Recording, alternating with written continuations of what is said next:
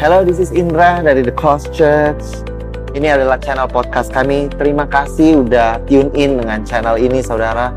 Kami berharap bahwa setiap message kami dapat membukakan lebih siapa Tuhan, saudara, dan Injil kasih karunia dan apa yang Yesus sudah lakukan di kayu salib kiranya membebaskan kehidupan saudara.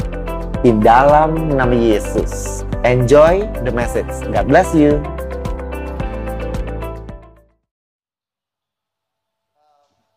Saya dengar kemarin ini uh, mimbarnya waktu Josh khotbah sempat jatuh ke depan. Makanya ini kayak suka mau miring-miring ke depan ini karena kayaknya ada yang rusak. Uh, cuman mau memberitahu aja bahwa yang merusakkan artinya yang menggantikan. Uh, Haleluya. Thank you Jesus. Kalau belum jelas, saya perjelas hari ini. Hmm. Haleluya. Stella, let's hit that.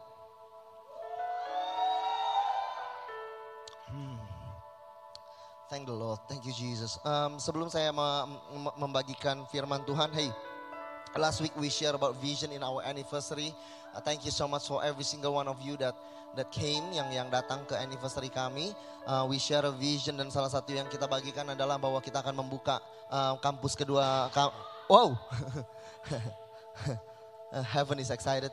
Um, akan ada. Um, kampus kedua kita akan buka saudara di Pantai Indah Kapuk saudara. So in our second location, wow, that's amazing.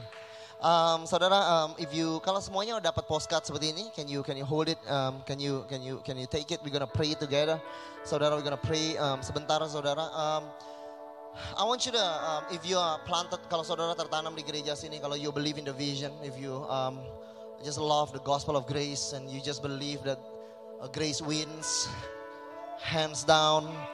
Bahwa our city needs more grace upon grace upon grace saudara.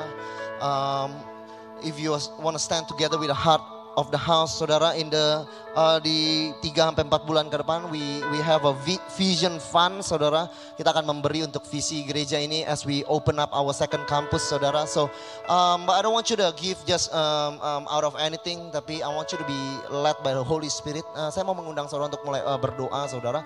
Kalau saudara lihat di situ accountnya berbeda saudara berbeda dari berbeda dari um, account um, uh, yang lain saudara. Pada biasanya kita pakai so uh, please do keep this atau take a photo. Tapi I want you to pray more than anything saudara berdoa. Um, let us be generous by the grace of God. Um, aku berdoa for cheerful giving um, to build his house. Amen. Tuhan begitu banyak memberkati kita dan this is just a response for us. Let us I want to invite you every single one of you let us build his house together. Amen. Kita boleh berdoa don't do not give less do not give more than what you are led to give, okay? And the wisdom, with the wisdom mungkin yang Tuhan berikan pada saudara of how to give, how much to give. I want you to give like that with faith. Amen. Kita berdoa bersama. Thank you Jesus for untuk kesempatan kami bisa membangun um, your house Tuhan. Dan um, untuk second location ini we just wanna bless Tuhan uh, bahwa the message of grace Tuhan akan um, covers akan menutupi um, um, kota Jakarta Tuhan. Dan kami ber, um, pakai kami juga Tuhan every single one of us. Uh, jadikan kami pemberi Tuhan yang uh, bersuka cita Tuhan dan generous Tuhan. Engkau yang tunjukkan pada kami Tuhan how much you want us to give and lead us by the Holy Spirit through wisdom wisdom, through your voice, you will lead us in giving by faith, Tuhan. Here we are, Lord, your vessel. Everything we have comes from your hand. In the name of Jesus, we pray. Amen. Thank you, Jesus. Oke, okay, saya ingin membagikan firman Tuhan dari sebuah passage, saudara. Dari sebuah bagian yang cukup sering di, yang cukup sering di, thank you. Uh, yang cukup sering digunakan saudara saya rasa. Dari beberapa minggu ini saya memakai um, passage-passage atau perikop-perikop yang sering dikotbahkan seperti perumpamaan um, anak yang hilang seperti uh, minggu lalu dari Roma 1 saudara. Dan hari ini saya ingin membagikan kembali tentang kekhawatiran saudara. Tentang kekhawatiran dari sebuah perikop yang tentunya sangat sangat sangat terkenal. Dan setiap saudara sudah tahu dari Matius 6 ayat yang ke-24 sampai yang ke-34 tapi hari ini saudara um, as I prepare and as the Lord spoke to me saudara ada such a new uh, dimension untuk saya sendiri, saya pribadi dan saya percaya untuk gereja ada sebuah dimensi baru dan pengertian yang um, it just uh, different for me saudara untuk Matius 6 ini. Why kenapa Tuhan berbicara, kenapa contoh yang dia berikan, kenapa dia berbicara mengenai burung, kenapa dia berbicara mengenai bunga bakung. It's just a new uh, perspective for me mengenai ayat ini dan I hope I can share it to you well. In the name of Jesus. Matius 6 ayat yang ke-24 sampai yang ke-34. Rest and receive. Amen. The Lord speaks. Amen. Tidak seorang pun dapat mengabdi kepada dua tuan. Tuhan berkata, karena jika demikian ia akan membenci yang seorang, mengasihi yang lain. Atau ia akan setia kepada yang seorang, tidak mengindahkan yang lain. Kamu tidak dapat mengabdi kepada Allah dan kepada Mammon. Karena itu aku berkata kepadamu, janganlah khawatir akan hidupmu. Akan apa yang hendak kamu makan atau minum. Janganlah khawatir pula akan tubuhmu. Akan apa yang hendak kamu pakai. Bukankah hidup itu lebih penting daripada makanan? Tubuh itu lebih penting daripada pakaian? Pandanglah burung-burung di langit. Yang tidak mau nabur, tidak menuai, tidak mengumpulkan bekal di dalam lumbung. Namun diberi makan oleh Bapamu yang ada di sorga. Bukankah kamu jauh melebihi daripada burung-burung itu? Siapakah di antara kamu yang karena kekhawatirannya dapat menambahkan sehasta saja dari jalan hidupnya? Dan mengapa kamu khawatir akan pakaian? Perhatikanlah bunga bakung, lilis. Di, di ladang, lilies of the field. Yang tumbuh tanpa bekerja, tanpa memintal. Namun aku berkata kepadamu, Salomo dalam segala kemegahannya tidak berpakai seindah salah satu dari bunga itu. Jadi jika demikian Allah mendandani, oke, okay, he's a fashion designer, dia mendandani, he fashion the grass of the field, saudara yang mendandani rumput di ladang, hari ini ada, besok dibuang ke dalam api. Tidakkah ia akan terlebih lagi mendandani kamu? Hai orang yang kurang percaya. Sebab itu janganlah kamu khawatir dan berkata, apa yang hendak kami makan? Apa yang hendak kami minum? Apa yang hendak kami pakai? Semua itu dicari bangsa-bangsa yang tidak mengenal Allah. Akan tetapi Bapamu yang di sorga tahu bahwa kamu memerlukan semuanya itu. Tetapi carilah dahulu kerajaan Allah dan kebenarannya. Maka semuanya akan ditambahkan kepadamu. Sebab itu janganlah kamu khawatir hari besok. Karena hari besok mempunyai kesusahannya sendiri. Kesusahan sehari cukuplah untuk sehari. Yesus membagikan firman ini waktu um, kerumunan banyak mengikuti dia di Matius 4. Uh, kerumunan banyak mengikuti dia, lalu di tengah-tengah kerumunan banyak tersebut mengikuti dia, maka Yesus pun mengambil sebuah tempat dan dia duduk Lalu dia, mulai mengajar pengajaran yang begitu menjadi sangat-sangat eh, terkenal tentunya saudara. Um, uh, apa pengajaran mengenai kerajaan Allah. Berbahagialah, berbahagialah, berbahagialah. Terus dia berlanjut mengajar sampai ke Matius 6. Matius 6 ini saudara mereka duduk, mereka duduk di padang saudara yang uh, pengikut Yesus kita tahu sering kali banyak kalau kita lihat dari cerita-cerita berikutnya 4 ribu, 5 ribu orang. Jadi begitu banyak yang mengikuti Yesus saudara. Nah, Yesus duduk Lalu dia mulai berbicara dan dia mengajarkan. Now, um, sering kali um, kita merasa bahwa ayat kekhawatiran dimulai dari ayat yang ke-25. Tapi sebetulnya saudara itu um, ayat ini berlanjut dari ayat-ayat sebelumnya, terutama ayat yang ke-24. Saya mau saudara, um, mau, saya mau bacakan ini bersama.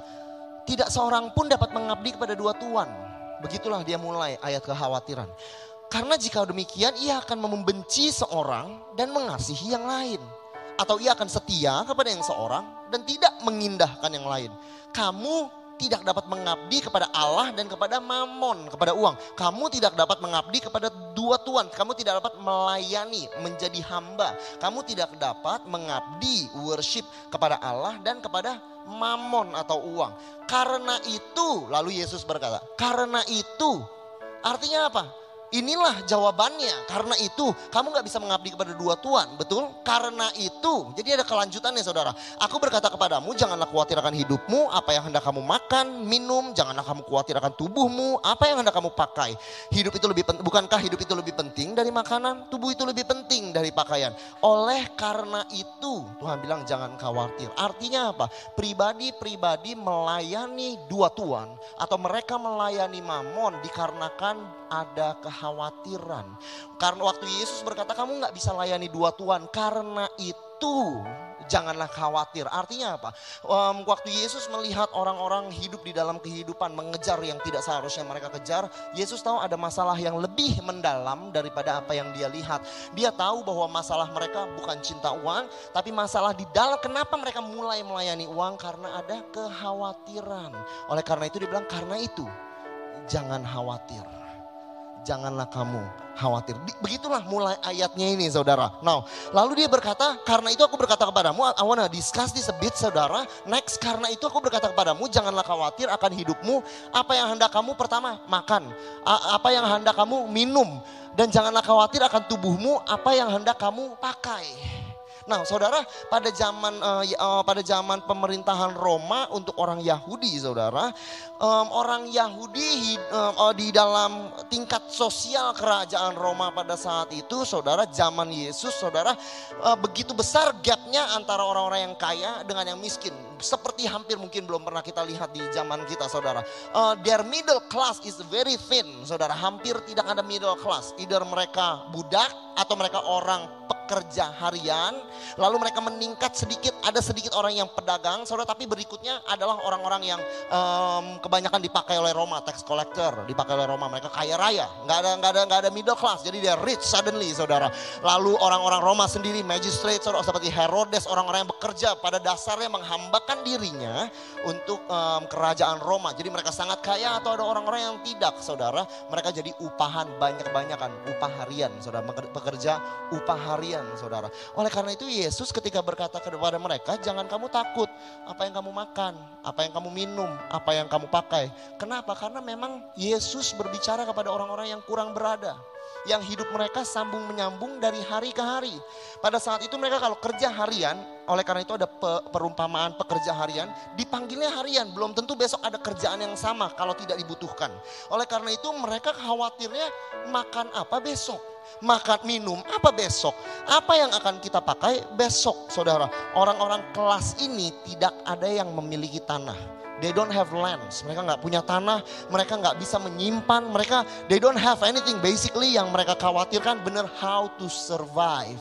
Dan mereka adalah orang-orang berbondong-bondong yang mengikuti Yesus. Kalau laki-laki yang ikut Yesus di tengah hari, kemungkinan pada saat itu mereka sedang tidak ada kerjaan. Bukan karena mereka seperti kita, mereka sedang banyak saving, saudara, no, no, no. Dan yang pasti bukan orang-orang kaya yang jalan sampai tengah malam gak ada makanan, kelaparan sampai Yesus harus memultiplikasikan makanan. No, ini adalah orang-orang yang kelelahan dan karena kehausan mereka, mereka perlu dengar ini. Lalu Yesus berkata, janganlah khawatir akan makan, akan minum, akan pakaian. Pengertian ini strata sosial ini. Pengertian ini adalah jendela yang baru untuk kita mengerti pengajaran Yesus tentang kekhawatiran dengan cara yang baru. So this is a window for us to understand to understand why Jesus say what his, he was going to say, saudara. Lalu Yesus berkata, pandanglah burung-burung di langit yang tidak menabur, tidak menuai, dan tidak mengumpulkan bekal dalam lumbung. Di Lukas um, uh, dicatat dengan cara yang sedikit berbeda tapi hampir mirip begini. Pandanglah burung-burung gagak yang tidak menabur, tidak menuai, tidak punya gudang maupun lumbung, saudara. They get it, saudara. Yesus dipimpin oleh Roh Kudus, saudara, he was a master teacher.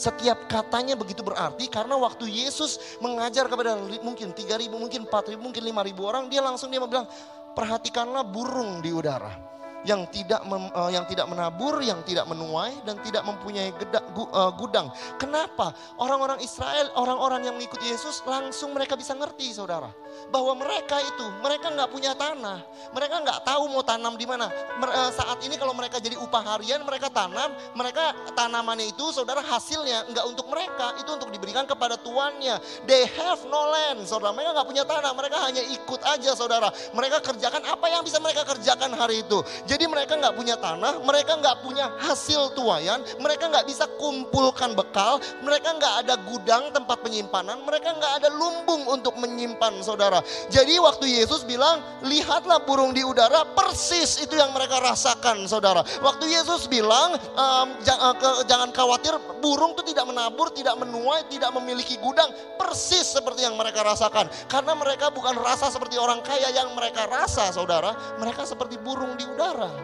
Memang mereka nggak punya apa-apa saudara. Mereka tidak punya tanah saudara. Pada saat itu saudara ketika mereka miskin.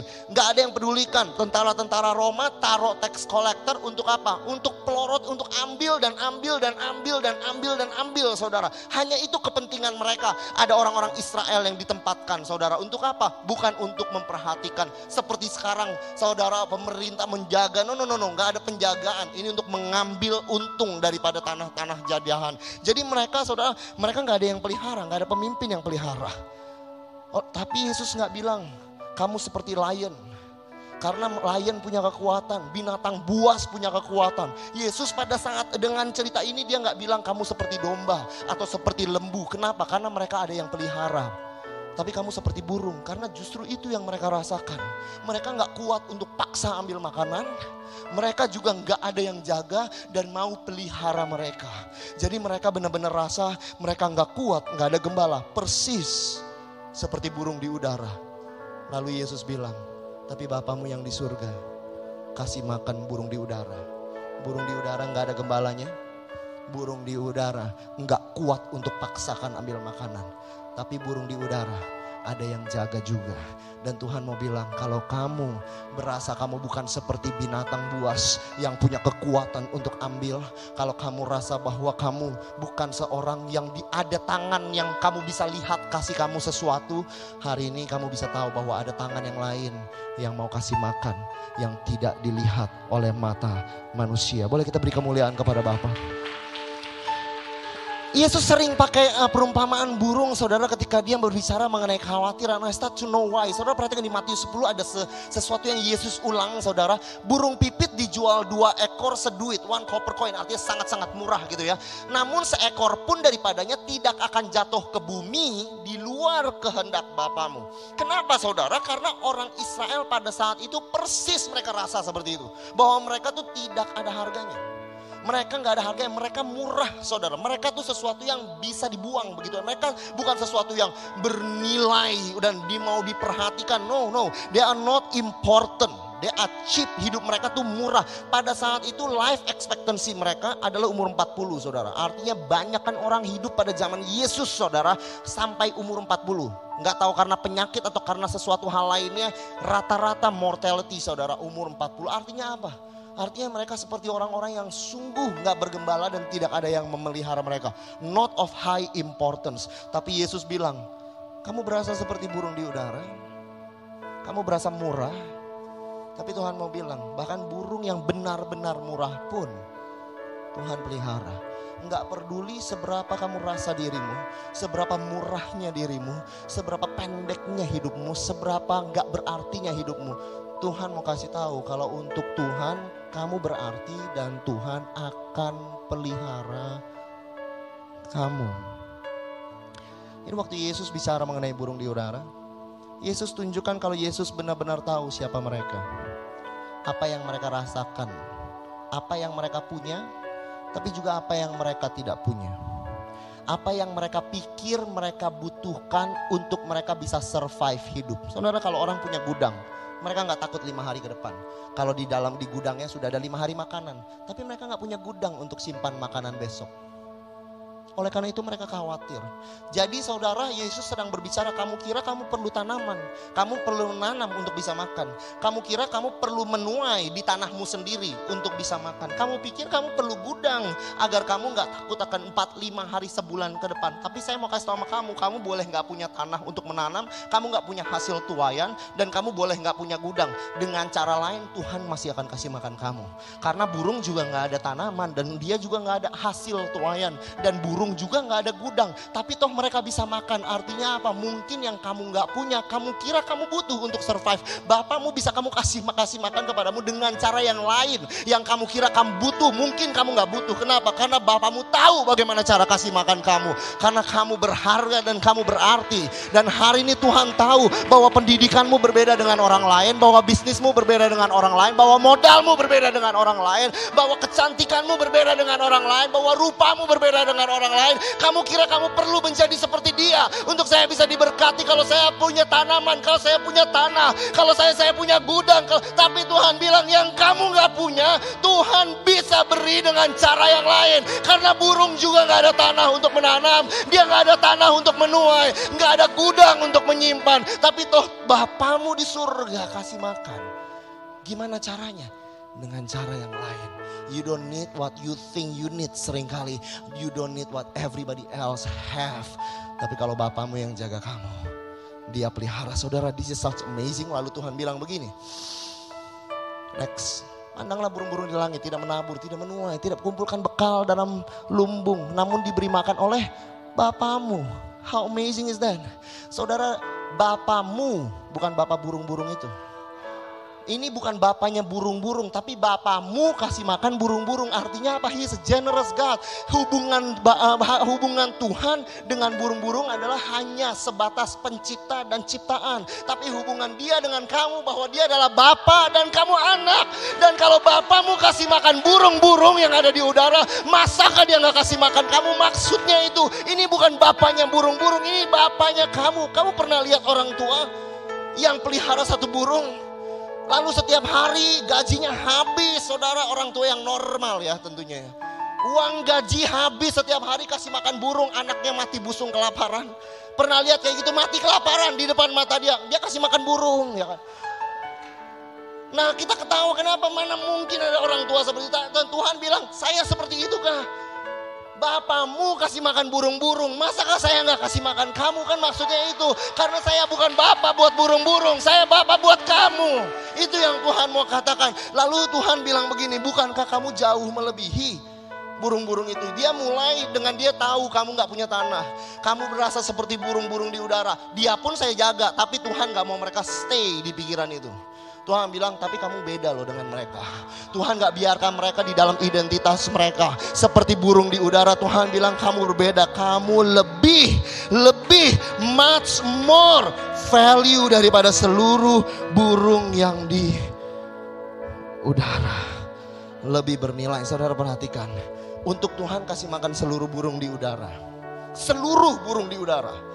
Apa nggak perlu strategi yang terlalu wah? Seluruh burung di udara. Gak ada satupun yang jatuh tanpa dia tahu. Apa gak perlu sebuah hikmat yang terlalu besar untuk kita bisa mengerti? Apakah Tuhan gak perlu mengerahkan segala macam kekuatan agar jangan sampai ada satu yang gak dapat makan tepat pada waktu? Apakah Tuhan gak harus lakukan itu? Lalu dia bilang, tapi kamu lebih bernilai dari seluruh burung di udara. Artinya apa?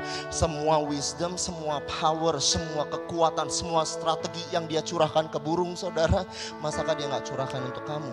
Karena kamu nilainya lebih mahal hal. Pemikiran Tuhan lebih dalam. Apa yang dia lakukan pasti lebih dalam dari bagaimana dia menjaga seluruh burung yang ada di udara. Karena kamu jauh lebih bernilai. Boleh kita beri kemuliaan kepada Tuhan.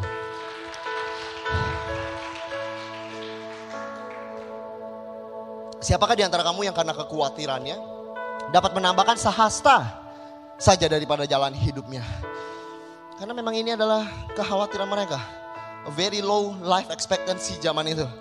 Jadi bayangin orang-orang yang kalau bisa ikutan jalan kaki ikut Yesus, rata-rata udah di atas umur 30 mungkin. Dan anak-anaknya mungkin. Artinya kehidupan mereka memang sangat on the line saudara. Karena rata-rata seperti kita umur 70, rata-rata orang meninggal 75 gitu kira-kira. Ya kita pasti mereka sudah mulai memperhatikan hidup mereka. Dan Yesus tahu. Tapi Yesus langsung berkata lagi, mengapakah kamu khawatir akan pakaian? Perhatikanlah bunga bakung di ladang. Ini mereka lagi duduk di ladang, saudara Tuhan langsung, He is a master teacher. He get from the Holy Spirit, he flow in the Holy Spirit. Lalu dia tunjukkan bunga bakung di ladang. Kamu lihat, lilies of the field yang tumbuh tanpa bekerja, tanpa memintal. Namun aku berkata kepadamu, Salomo dalam segala kemegahannya tidak berpakai lebih indah, seindah salah satu daripada bunga itu. Kenapa lilies of the field dibandingkan dengan Salomo? bahwa Tuhan memberikan pakaian lilis. Kenapa Tuhan gak bilang uh, seperti saya mem mem memberikan pakaian kepada Salomo, saya akan berikan makanan kepada kamu. Kenapa? Karena Salomo hidup di dalam zaman titik tertinggi bangsa Israel. Tapi mereka hidup di dalam zaman rendah bangsa Israel. Mereka they cannot understand, they cannot relate. Tuhan beri pakaian kepada Salomo, of course. Negara Israel kaya pada saat itu. Tapi Tuhan, tapi yang mereka rasa bukan mereka seperti Salomo. Mereka lebih merasa seperti bunga bakung di ladang. Yang liar, nggak ada yang jaga.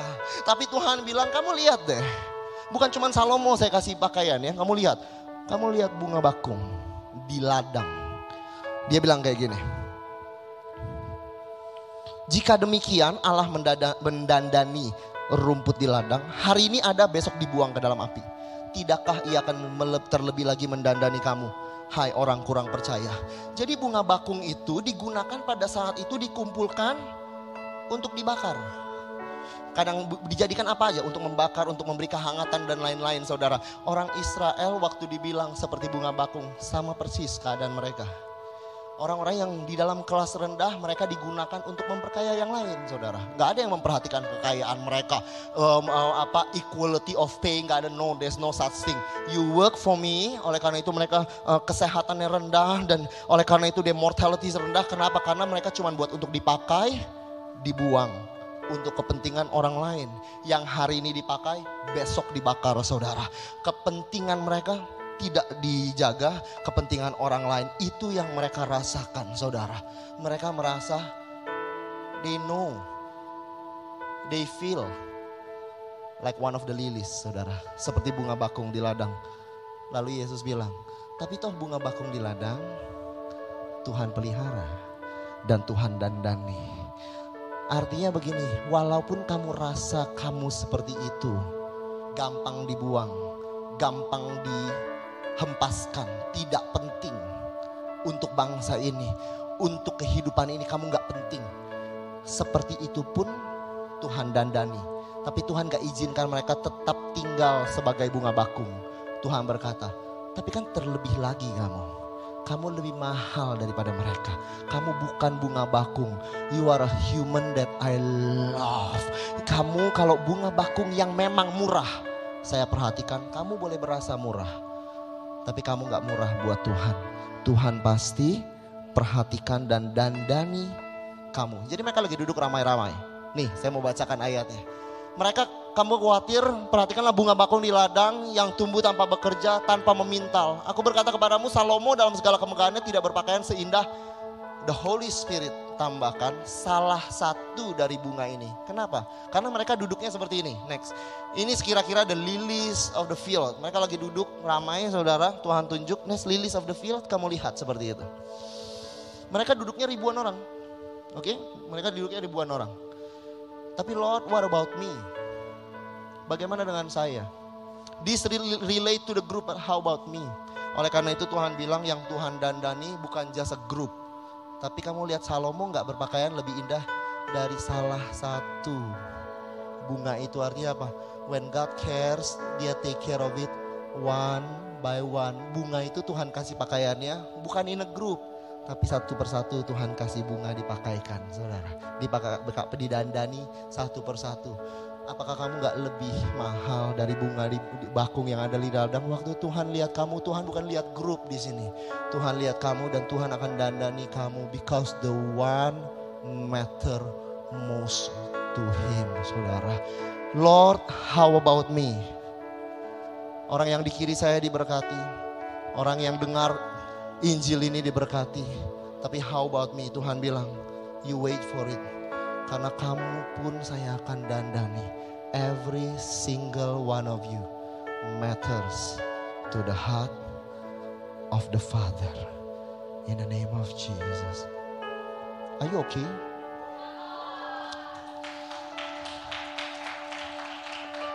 Di tengah keramaian, God sees you and God cares for the one. This is the genius of the teacher. Pandanglah burung-burung di langit. Perhatikanlah bunga bakung di ladang. Bukan the birds yang dijaga orang. Bukan bunga yang dipelihara orang. Karena bukan itu yang mereka rasa. Ada orang yang pelihara mereka, ada yang jaga mereka sebagai yang dipelihara oleh orang. No, mereka merasanya tepat seperti ini. Birds yang gak ada tuannya. Bunga yang gak ada yang menjaga bagaimana tumbuhnya. Gak ada yang pelihara mereka bukan berarti Bapak di surga enggak pelihara mereka. Saya mau beritahu kepada saudara maksud Tuhan adalah betul. Ada orang yang makan dari tangan orang. Tapi ultimately you don't eat from the hands of human. You eat from the hands of your daddy God. Dia yang akan kasih makan kamu. Tuhan, I'm not a, I don't have a shepherd Tuhan. Enggak ada, enggak ada, enggak Tuhan saya tuh dia tahu dia dia mereka berkata begini I know what you feel in the wild. No shepherd that feeds you pada saat itu. They were they feel like they were striving alone. They have no land like a bird. Tuhan mau bilang saya tahu yang kamu tidak punya. I know who you are. Jadi waktu Tuhan bilang dia tahu bukan cuman kebutuhannya. God wanna tell them I know who you are what you have what you don't have your struggle. I know it all. And I will care for you. Boleh kita beri kemuliaan kepada Tuhan. I, I need to move on. I'm enjoying this saudara. Sebab itu janganlah kamu khawatir. Akan apa yang kami makan, yang kami minum, yang kami pakai. Semua itu dicari bangsa-bangsa yang tidak mengenal Allah. Akan tetapi Bapamu yang di sorga tahu. Waktu mereka dengar ini saudara, mereka benar-benar tahu kalau Bapak itu tahu. Karena contoh-contoh yang Tuhan pakai membuat mereka mengerti bahwa the Father really knows what you have, the Father really knows what you feel, the Father really knows your situation, the Father really know your condition, the Father really know your thoughts. Dia tahu persis kebutuhan, keadaan, kekurangan yang kamu tidak punya dan Tuhan bilang maksud Tuhan adalah the things that are on your mind are in my mind too. Juga ada di pikiran saya. Yang kamu pikirin tanahnya gimana, gudangnya gimana, ini nanti besok dibuang, hidupnya panjangnya gimana, semua itu. Semua yang kamu pikirkan, itu Tuhan pikirkan. Waktu Yesus bukakan ini, there is freedom. Karena mereka tahu, Yesus tahu. Mereka tahu, Bapak tahu bahwa bukan cuman adalah pengajaran yang indah, tapi Bapak tahu persis keadaan mereka and God is going to come to your condition. I do not know your struggle, church. Tapi Bapamu di surga, dia tahu persis your struggle. Orang lain, yes, but you. Salah satu demi salah satu kamu. Tuhan mengerti. In the name of Jesus. Tetapi carilah dahulu kerajaan Allah dan kebenarannya. Saya udah mau tutup, I think in seven minutes. Kamu tapi carilah dahulu kerajaan Allah dan kebenarannya, maka semuanya akan ditambahkan kepadamu. Seek first the, the His kingdom and His righteousness, and all these things will be added to you. Artinya apa? Artinya oleh karena itu kejar kerajaan Allah. Artinya kalau oleh itu kita hidup yang benar. Artinya oleh karena itu kita kita uh, hidup dengan moral, percaya dan nilai-nilai Tuhan. Maka kamu diberkati. Itu kan yang kita tangkap sering kali. Tapi saya mau kasih tahu, our righteousness atau His righteousness. His righteousness. Saya mau bahas, uh, berikan saya semenit apa yang kita bahas minggu lalu. Next, minggu lalu Paulus berkata, I want to be found in Him, not having not having a righteousness of my own. Bukan my righteousness. I don't want my own righteousness derived from the law. Yang tergantung dari hukum Taurat. Artinya apa? Nilai-nilai hidup, nilai-nilai moral. Itu kan hukum Taurat. Nilai moral paling tinggi bukan diajarkan manusia. Nilai moral paling tinggi diajarkan Tuhan. Perhatikanlah hari sabat. Gak ada nilai moral seperti itu saudara di society. Tapi kalau Tuhan bilang itu adalah nilai moral. Jadi the law is the highest moral standard. Kamu kira hari sabat nggak penting, kalau Tuhan bilang penting, itu moral saudara, itu penting. Ngerti ya?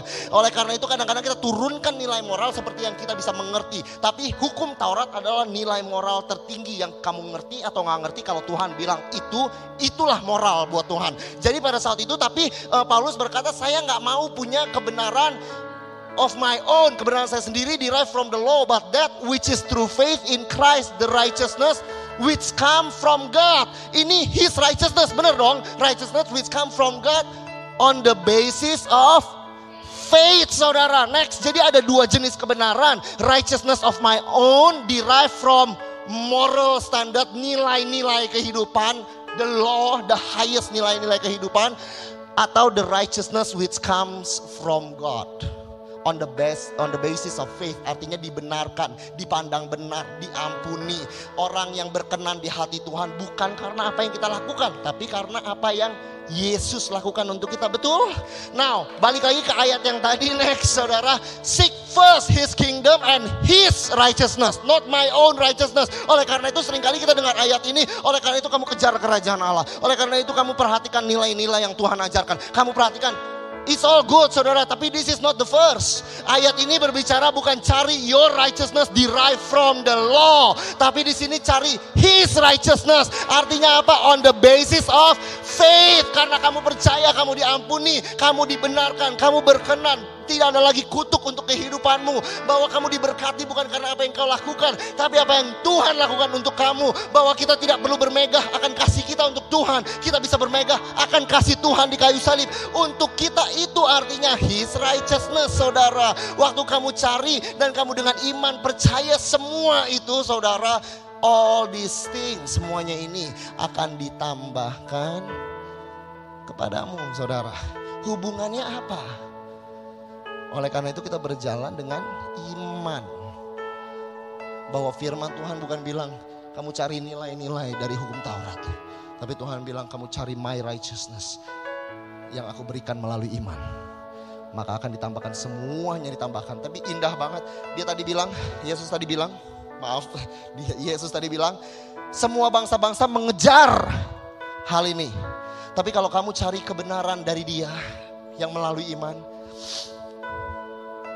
hal-hal ini akan ditambahkan kepadamu. Bukan kamu yang kejar hal-hal ini. Hal-hal ini kejar kamu saudara.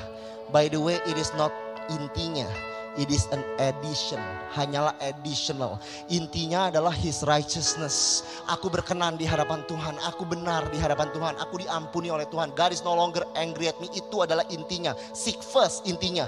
Semua yang lain ini hanya tambahan, saudara. But you need tambahannya, God will give you in the name of Jesus. Haleluya.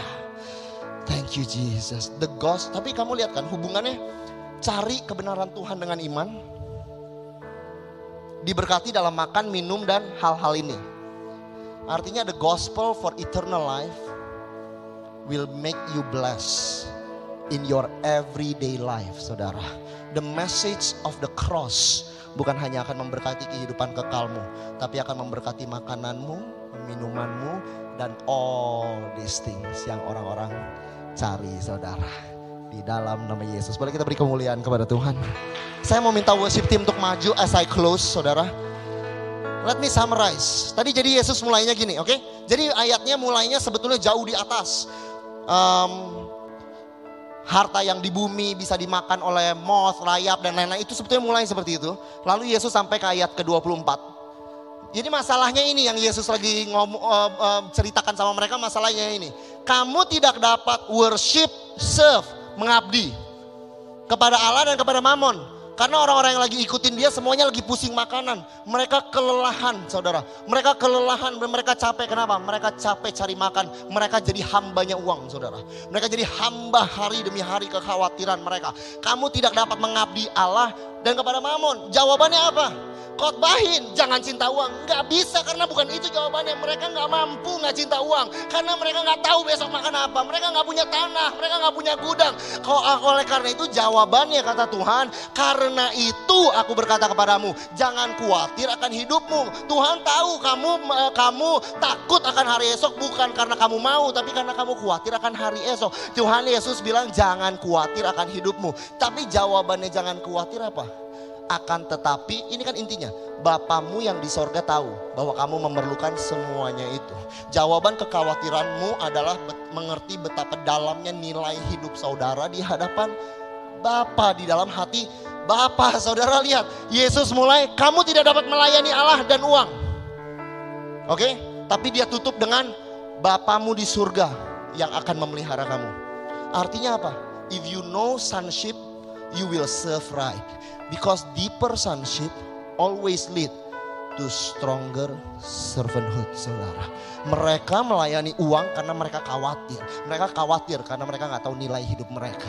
Tapi kalau saja mereka tahu nilai hidup mereka sebagai anak, mereka nggak akan khawatir. Dan kalau mereka nggak khawatir, ngapain layani uang, saudara? Mereka akan layani Bapak mereka, saudara. So deeper sonship, greater servanthood, saudara.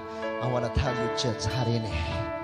Saya nggak tahu apa yang saudara rasakan dan alami. Maybe saudara merasa bahwa kamu nggak punya yang orang lain punya. Kamu nggak punya tanah yang orang lain punya, bisnis yang orang lain punya, kecantikan yang orang lain punya, rupa yang orang lain punya. Kamu nggak punya yang orang lain punya, modal yang orang lain punya. Tapi Tuhan bilang, aku nggak perlu tanah, nggak perlu tanaman, nggak perlu harvest, dan aku nggak perlu gudang. Kalau saya mau beri kasih kamu makan, aku akan beri kamu makan dengan cara yang aku bisa lakukan. Dan kamu perlu tahu hari ini bahwa itu dia bukan bapak buat burung, dia bapak buat kamu. Kamu pernah lihat seorang wanita yang memelihara bunga saudara. Setiap hari dia habiskan pupuk dia habiskan air saudara. Agar bunganya saudara bisa bertumbuh di rumah tapi anaknya mati kelaparan. Kamu gak pernah lihat seperti itu kan? Tapi Tuhan bilang kalau Tuhan jaga bunga seperti itu masakah Tuhan gak jaga kamu. God loves you so much.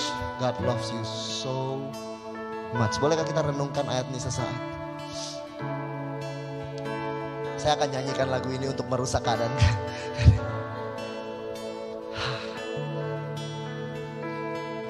Rest your soul. The Father wanna touch you sebentar. Karena saudara datang dengan kekhawatiran yang berbeda-beda. Some of you just think bahwa you don't have what it takes. Some of you thinks bahwa everybody else is blessed but not you. Some of you just think bahwa you are not good enough. Bongkah harus be better untuk diberkati. Some of you come. Bapak kamu rasa kamu lelah dan kamu capek dan kamu nggak tahu jalan keluar. You do not know how. You feel not valued, not important maybe. You feel about your future and you do not know how you're gonna make it. In your relationship, in your marriage, for your children, you do not know. You have worries upon worries. Tapi hari ini God comes to you dan Tuhan bilang, kalau saya jaga ciptaan saya, I am your father and I will take care of you. Hari ini I want you to know church, Father, the Father will tell you how how valuable you are, betapa berharganya saudara di dalam kehidupan dia. Bahwa apa yang saudara kira saudara perlu, dia bisa berikan lebih di dalam nama Yesus. Hari ini dan He is coming to you saudara. Bahwa bukan kamu yang perhatikan dia, tapi dia yang perhatikan kamu. Adalah tanggung jawab seorang ayah memperhatikan anaknya. Saya tahu kamu sering ingin melayani Tuhan. That is good. Tapi sebelum kamu melayani, izinkan kamu dipelihara, dikasihi, dipeluk, dikasihi dikejar oleh Bapamu agar ketika kamu melayani bukan karena kamu harus mengumpulkan nilai-nilai moral tapi karena kamu tahu Bapamu pelihara kamu lebih dari yang bisa kamu bayangkan.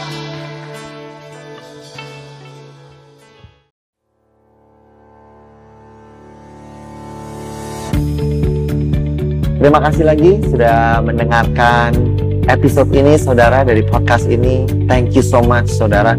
Saya berharap bahwa Injil kasih karunia dan apa yang Yesus sudah lakukan bisa membebaskan kehidupanmu saudara. Kalau saudara diberkati, saya mengundang saudara untuk share saudara um, sermon ini baik secara pribadi kepada your friends and your family saudara atau you can screenshot dan kau bisa bagikan kepada sosial media saudara dan jadilah terang saudara. I hope um, message ini melalui saudara bisa memberkati lebih banyak orang lagi. Dan kalau saudara diberkati, saya mengundang saudara untuk subscribe kepada channel podcast ini. Again, I want to thank you. Berterima kasih kalau saudara mendengarkan dan mengizinkan dirimu diberkati dari apa yang kami lakukan. Terima kasih, Tuhan berkati. God bless you and bless you and bless you again. In Jesus' name. Amen.